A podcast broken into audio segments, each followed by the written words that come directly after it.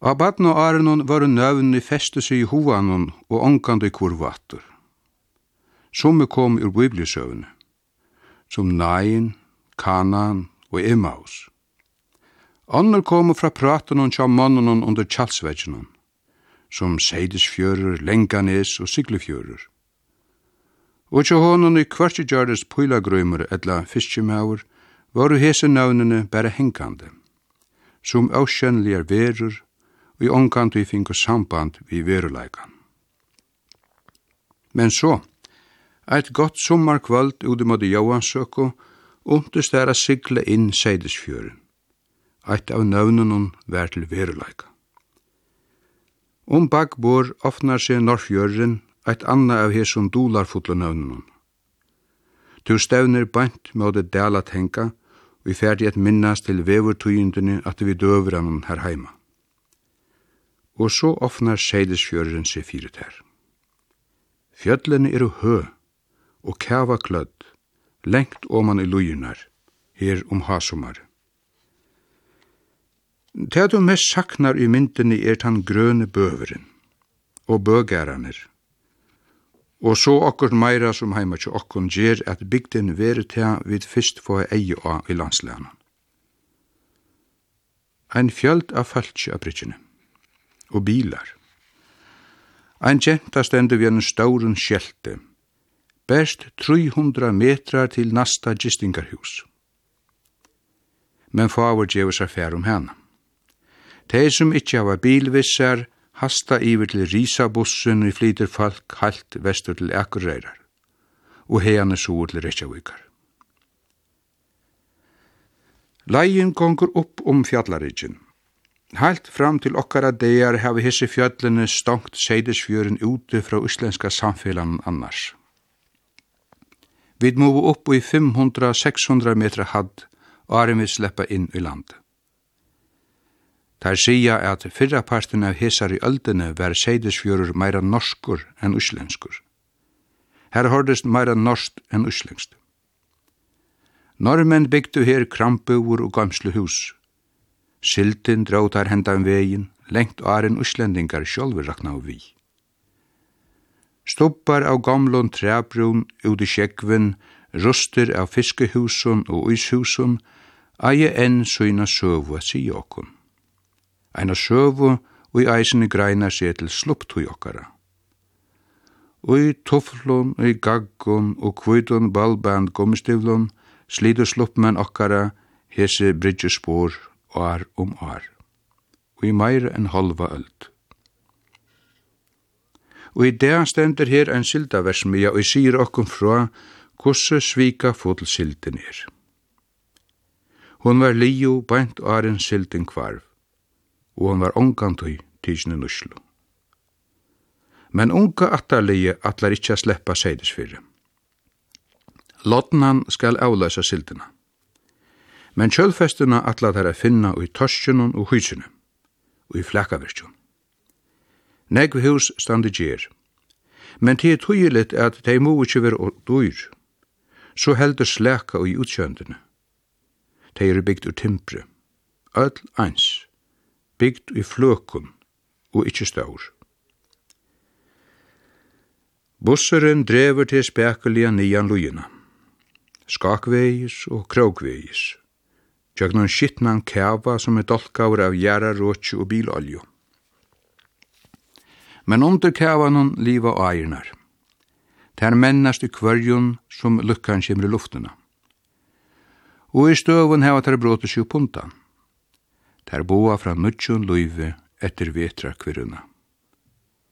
Uppi av sløttun ligger slafttåkan, köld og av unnesli. Men så for at hadla undan attur og alt i einun leggja endaleisar grønar fløtur lengt under okkun.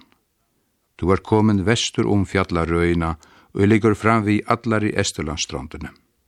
Komin inn i landet. Til et anna vevele, her som sluppmenn okkara og tær til lands, ongandu koma. Og tog kom tar ongandu i samband vi uslenska fölkjerægilige. Hauast her gistu landet tarra av kvørjun sumre, så rann ongandu saman okkur giftarmal, men ongan du neka årin av olvara. Her legger du merke til birski tjarri og i klægir og grønkar lujunar. Hetta tjarri vær ta landnamsmennene kom. Seier ligger atu vi kvørst, men ikkje så at han gjer det skeia. At du måte hever det veri negg nytt til at tetja vi og til brenne. Gjevet du der færrunda, sørst du at det finnes ikke nærendes gøren og langer, best av avhøgligen ildgångt og leien. Og her ligger Egilsteger, eit døme om brøydingartugina i uslenska byggelæna. Det er der råpa tattbøyle, bygdalægi, hier til avkjent inni i landene. Og sam einelit vi landbjunægin hildu tær. Her gærarnir liggja ein og ein kvøra suinun. Bygdaløyene lau ta öll ute við sjekkvin og i samband við fiskevinnina. Á Egilstøvun byggva ute við 2000 folk. Er kalla öll husene bygd etter Sætnahamsbardea. Flåvallur, gistingarhus, sjukrehus, kjeppsamtøka, skúlar, bilverstævur og kyrkja og i tidist hava uppruna svoin ur finskare byggelist. Her fer gongumævren ur bussunum. Og leien ligger nu sovur estanmegin learfljóti. Vi drava da bara løgin, sier det her. Nekka som voa menn sier om leidesvatn. Vi drava da bara vatni. Og han er størst vatn, løveren. Om 35 kilometrar longtar. Etla rattare sagt, han er ein sera brei oa. Hetta er Jökulsåin som renner sunnan undan Snæfelli. Og i breia hon her stakkar hon av. Og at luita er hon som mjölkarvatn. Men der sier at søyl er i vatnen. I hastar hon vujare norr etter til havs ute i herasflekkvanon mellom kodlumula og Glettinganes. Etter tøyma gongo veru tjalda, vi åar løk vi renner ut i learfljóti. Hette er om miunott. Jeg vakna i vi råp og hugti ut. Her var dronkur og hespætj, vi hundi. Han var færen at akta segin. Jeg røpte at rymauti om ikkje var løft at tjalda her. Men han sværa i mer ikkje. Sæt enn løtu som åtti han allan heimen om hessa leir og reis og bostur. Jeg tjalda i ongandi innanfyrir gyringanar, bøgaranar. Og dovet tog ikkje a sia hva at bønderne hadde hildi om det, men det er ikkje alltid latt at finna høskande tjaldsted utanfyr. Sætnaparten heldi fram gonguna sur vi løgnum, og i gavun sommervekker. Etter 4-5 tøyma gongo tjalta i attur, og for så smått a få og av gusse størst land er, og gusse luttland past av tøy er for å klara gengande. Utvarp Retsjavøk høyrest illa her iver i Esterlandunum, negg verri enn vi tøyra normannen heim i fyrjum. Jeg skilte til at alt landet bojar etter urslidnun av verkfallssamrøyngunum, og som vanta eialverkfall langt i morgen. Morganen etter helt i leiena inn mot vannsendanen. Det må det være om 12 til 14 kilometrar. Birki Tjarri er negg i lujunon nia mot fjallarøyene, og i fylgje mer til vinstre handar allan vegin sur etter. Og i bjørst og sommarluftene vera fjallene blá a lite, og kæven snjókvítur. Her eru fjallene om 1100 metrar hø. Breie dalur, klúvur fjallarikjen her sjore. Og jøgnon delen gongur nudje ringveveren fra eilstøvun og ut til sjåar. Heldur så fram vi stranden soretter. Halt sår av Solandet. Og heian vestur til Reykjavíkar. Einar fyrir åtte vid ein breidel, eller som vi sa då, breidel i fargjum. Han tåg av som det er ta. Fotografera je, sier det nu. Han gav badnasinnen hun fyrstu myndina av enn uslendingi. Malrestur, stauróraur, kalligur og buldrutur. Sætni skiltist at han var vottligur. Ta der ungu genturnar gramtu sig om at der ikkje sjåu vel ut av myndun hansara, spurdi han, hvordan skal jeg lave smukke bilder av grimme skorste? Her gongur veveren jøgn halvarmstegarskoen enn den prøyeligste skoven i Íslandi. Det måtte være om en luttland tøyma at genga vegin ur enda og i annan. Det er bjørstjen og mestjer vartvissi her. Men tar hava eisen sett neg nýr av imenskon nalatrøvun. Og leskurin hefur finnst et halvt øtje fyrir seg sjálvan som eine tvei kufaur. Her ber vel til a sita og halda seg vera onkustean i Estri i Norri, ilmurin, smáfuglanir, fyrvaldanir, fluunar, smákiktene. Hetta er størsta røndin som Íslendingar hava gjørst við skóarrakt. Tar byrja og langu i 1906, men ikkje fyrir enn etter 1930 kom rægjul gong da. Og i det halda fleiri at tar eiet mia fram i måti at framleia sjolver ein parst av til timbret heim og tørvar i boskapen. Tar hava någ lendi og her innan fyrir fjöllene halda þær sig hava funni høskande vevulega. Jaunar vetrar hava stare eru i langra lei, og jamt sommarvevur enn at trudja til fyra manager. Neka av røndjauren eier eisnet veri her. Tei eru flott inn ur Norge, men tei fekk jeg ikkje eioa. Her var gistingarhus og tjallstauer men jeg har sett meg fyrir a koma sur om vatni og aren i kjaldai. Ta jeg så smått var færen at hitja mig om etter kjaldstegi stakkar bilur. Ungur meavur spyr enskun hvert jeg er ikkje maur. Ta han hørte hver han kom og at jeg dodde at hos uslengst leip han ut. Han mette riksækjen at vi om 40 kilo, men det måtte være meira lei. Vi kordu etter brunni om Jökuls anna og i renner som en breyur ausu i vatne.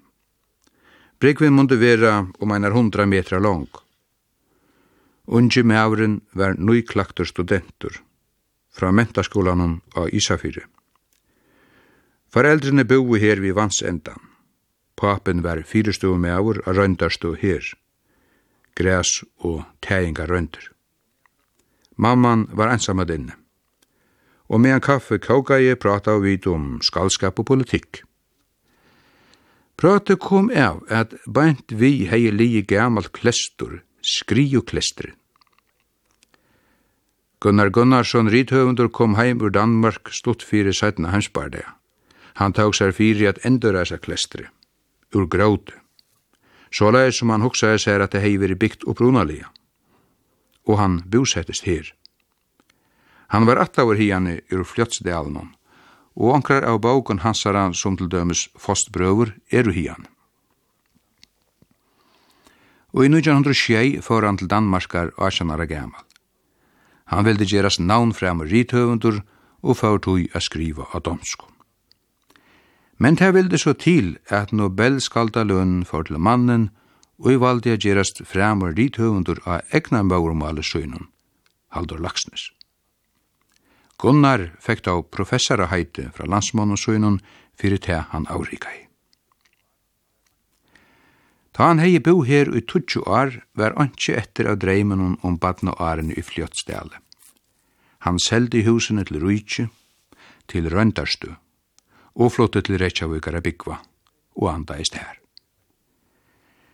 Eistein Jonsson er eisen hian i dalen, sier gamla konan mer ein av tøym gamlu hetsjennom i bøndaflotjennom, framsøknarflotjennom. Hetta er hansara veldøme. Jeg vildi vera vi at det var honen at takka fyrir at NATO hei finnje sottmålan om herstøynar i Íslandi.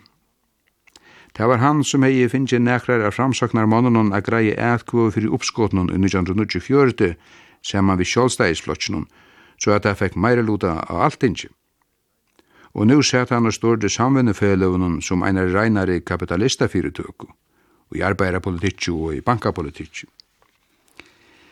Jeg fikk ikkje nekva undertøku fra konen i Jesu. Men toskastrui, te hei finnst en skaivan enda, helt hun. I irei mi om at han og at jeg ikkje be hana greia gjødlare fra hva hun mente vitt henne. Ta jeg gjørd meg til affæra, spurte studenteren og man ikkje skulle køyra med fram i Norrdalen. Hesen daleren gongur ur Fljótsdalen og heilt sover under snæfell og fram av det vatnajökle. Her renner jökulsøyen som ger allan løgin. Mamman helt at kanska koma til ongtu til fyrja, med fyrjene, og så leis skiltust vid. Hefur du veri jagnan ein av hesum trong og dølunum, som til dømes Norredalen, ta skiler du betre kui uslendingar eru uslendingar. Og i sommerlukkene ver ægin så stór at ångastene er færandi om hana. Så leis byrgir hon fyrir allare ferslu tvørster om dalen. Og om veturin fyllist daleren vi kæva så at illa er færandi mellom gæranar. Tar litja vanlige holvan til heiland tøyma gongt fra kvarin örun og i bestu lujundun. Hetta strekki råpa Íslendingar eina bæjarlongt. Onkusteane, her høyir hamrar genga ut av åarbakkan báu megin vi, hava tar gjørst rennustrong i rom. Vi er kassa og i tekur enn kigv, trudjar mans eller nekra seir. Einsemi er tega som mest etkjenner gæranar og slukon dølun. Hernast bardegin vi naturkreftinar at bjarga fölkje og fenei undan tøyning. Öttin fyrir vannlokkun. Rasslan fyrir tøy som bor i miskrunum. Tei som ikkje falla og jesum bardeia vera sera sterk. Summi harli, kravmikil a søtja sin ratt, agengandi mot grannanum. Onnur fyllast vi luftsvistdame, vera spøk, sutje ut iverta tøytningarluttla. Iver høver byggva skolabötnene i hesson dølen av kostskolen om veturen. Tei få lenga jólafrutui, og trudja sommermannajar er de heima. Jeg vakna i tjaldun klokkan fimm. Sjålen hever helst ongandi veri i urdalen. Dimmi er ånds. Nyrri og øyrene halda svenerne til. Ter halda nekvan geng nega som gasen ta okkar dir henni afat. Svena songur veri hest ongin at høyra fyrir en lujir mot dem stjötnu bjørstu hestarkvaldunum og i boa fra deia og kaldar tøgn. Før til gongu klokkan 15 og Jack til klokkan 22. Nú Jack leien norr etter. Men hesa fyrir vestan fyrir vatnet. Du legger til merkes at seieren er aujaunur. Og han er aujaunur etter dem imiske gørene du ganger fram vi. Men nestan allar er tvilemper. Hegg taimen inn i eiene. Her sørst du olvarsem, omhidjesem, abirdasem. Der rævur om a få så negv av sommar grøyene som gjørlet. Og der hava gauan høvubur.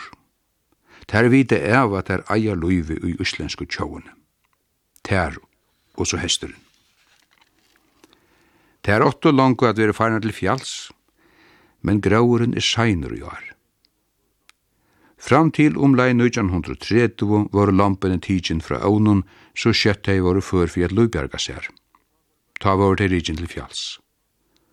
Og ta var bøndene mjölka ånen, det som etter i vera somrunnen og ut av hestet. Gauar eia nalinar at vera hesa trutjar til fyra sommarmanarnar. Fyrst skuldu her fua lompene til frafæringar degin, og sujan mjölka nyr i bøndan, tui alløydi græs var til eina kikv. Og her træt sauna sær tolg til a standi møti vi ta høynegin kom møte var. Neita haldi er framvegis luyti ui hesum trong og dølunum. Onkur ung neit. Luyti sás til surhajabrunnar, og enn er, er onkrir som gjerra des. Men tær hava funnet fram til græsa slø og teblandingar som gjerra at bøveren stender fullvaksen etter ein måned. Longu fyrst i juli færa der under sløtteren. Tar nøyta negv handelstø hesa tøyina. Setjen er lau i stakkon vi vegjeran til kvann gæren. Tar koma beinleis fra blandingar versmine som samvinn og felun i eia. At er imøte gjer at der onga nyttu bostur og seia tøvunum. Fyrre høttu der teg til torv her, angi megvur vær, nu er det skumpa og i rikvu utanfyr seia fjósi, og eldur setter av deg. Ta du gongur norur fljöts lujina, undrast du a risastaura ritjir av sandi, eiri og smagróti. Tar kunde vere som fra en risa grådbråti og en risa landi og i støvun er det meir og minne tilgregve, men negva stedane ligger det nastan best. Alle rikkene ligger tvørstur om delen. Ur lujunun og åman mot vatnunun, og fra vatnunun nia mot lujunun hinimegin. Hetta sier okkun kussi ungt landslegi er. Ungt tar vi meta vi taimun årstølun som jarfrøyngan er veandrat nøyta som kunne til kæven av dem skandinaviske Londonen heilt oman av Danmarkina til omlai 15.000 år fyri okkara tujarokning. Ta brøttist veverlei, og kæven for a brana. Etter se leian millan anna terfløtunar av Sandi og Eire som nu eider Danmark. Normen rokna er at 12.000 år er lien tarra land var komi undan kævana men halda at Ísland la underkava til 8-9000 år undan okkara tujarokning. Og så kvart som la landet kom undan, lau hessar veldu rikvunar etter av sandi og smavun melagrauti, som kæven hei tidsi visser ta en spekuli åta eisi undan brekku, ut tjögnu dælunar, ut mot i havunum. Ta munne vera det ring og graura lojindene som gjerra at hetta fetter okkon meira i eginu i Íslandi, enn i taim skandinaviske landene. Ur hesson rikvunun teka tar megin parsten av tui tilfære tar nøyta til veginar. Blanda neka av asfalti og pui sanden som tar kare om an å, at det ikkje skal ruka så illa ta torvever er. Annars eru veginir iver høver som tar vore til okkon, aren vi for at asfaltera. Uslendingar sier at her få ikkje asfaltera, tog frostet stinker så djupt. Men tar er tog ikkje allir av einnum valg i tog. Og ytla røyker, hver fyrir bilane færa fram vi. Men hestastutjarnir og i alla stjane lidja fram vi venun eru hentir kja gongomannen. Tøy er kja honun som rossunum. Ikkje ma vera oharst under fautunum.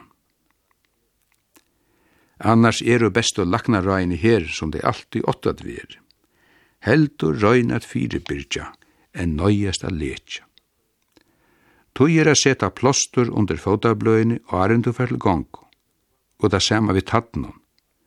Sjolt i urvaldun gonguskjón måstu vanta at tattnar blotna og svetta, og ta skal altså løyde til at huvun gneast av. Men utskjeren til slukka gongu er gau i det. Her hava normen og svijar gjørst eit diktar gott arbeid at finna fram til te og gir latt, halvgott og handott. Og ein sprittkåkare som kan standa ute i öllum vekkri og kåkare etter einare løtu. Men sjálvande, er du einsamallur om a bera alt, slepper du ikkje undan 20-30 kilo av bætjennom. Av klævu nøyist du at heva såleis at du alla tøyna kan skifta fra koldon til hættvevur, etla fra regni til sølskinn og hevast mæterin mest verur suppupulvur, turska frukt, nøtur og sjokolata, og kanska nekrar bitar av kjerpekjøti og tvær torra fiskar, umfram brei og margarin, så rigva det ikkje så løytet ha saman omkjemur.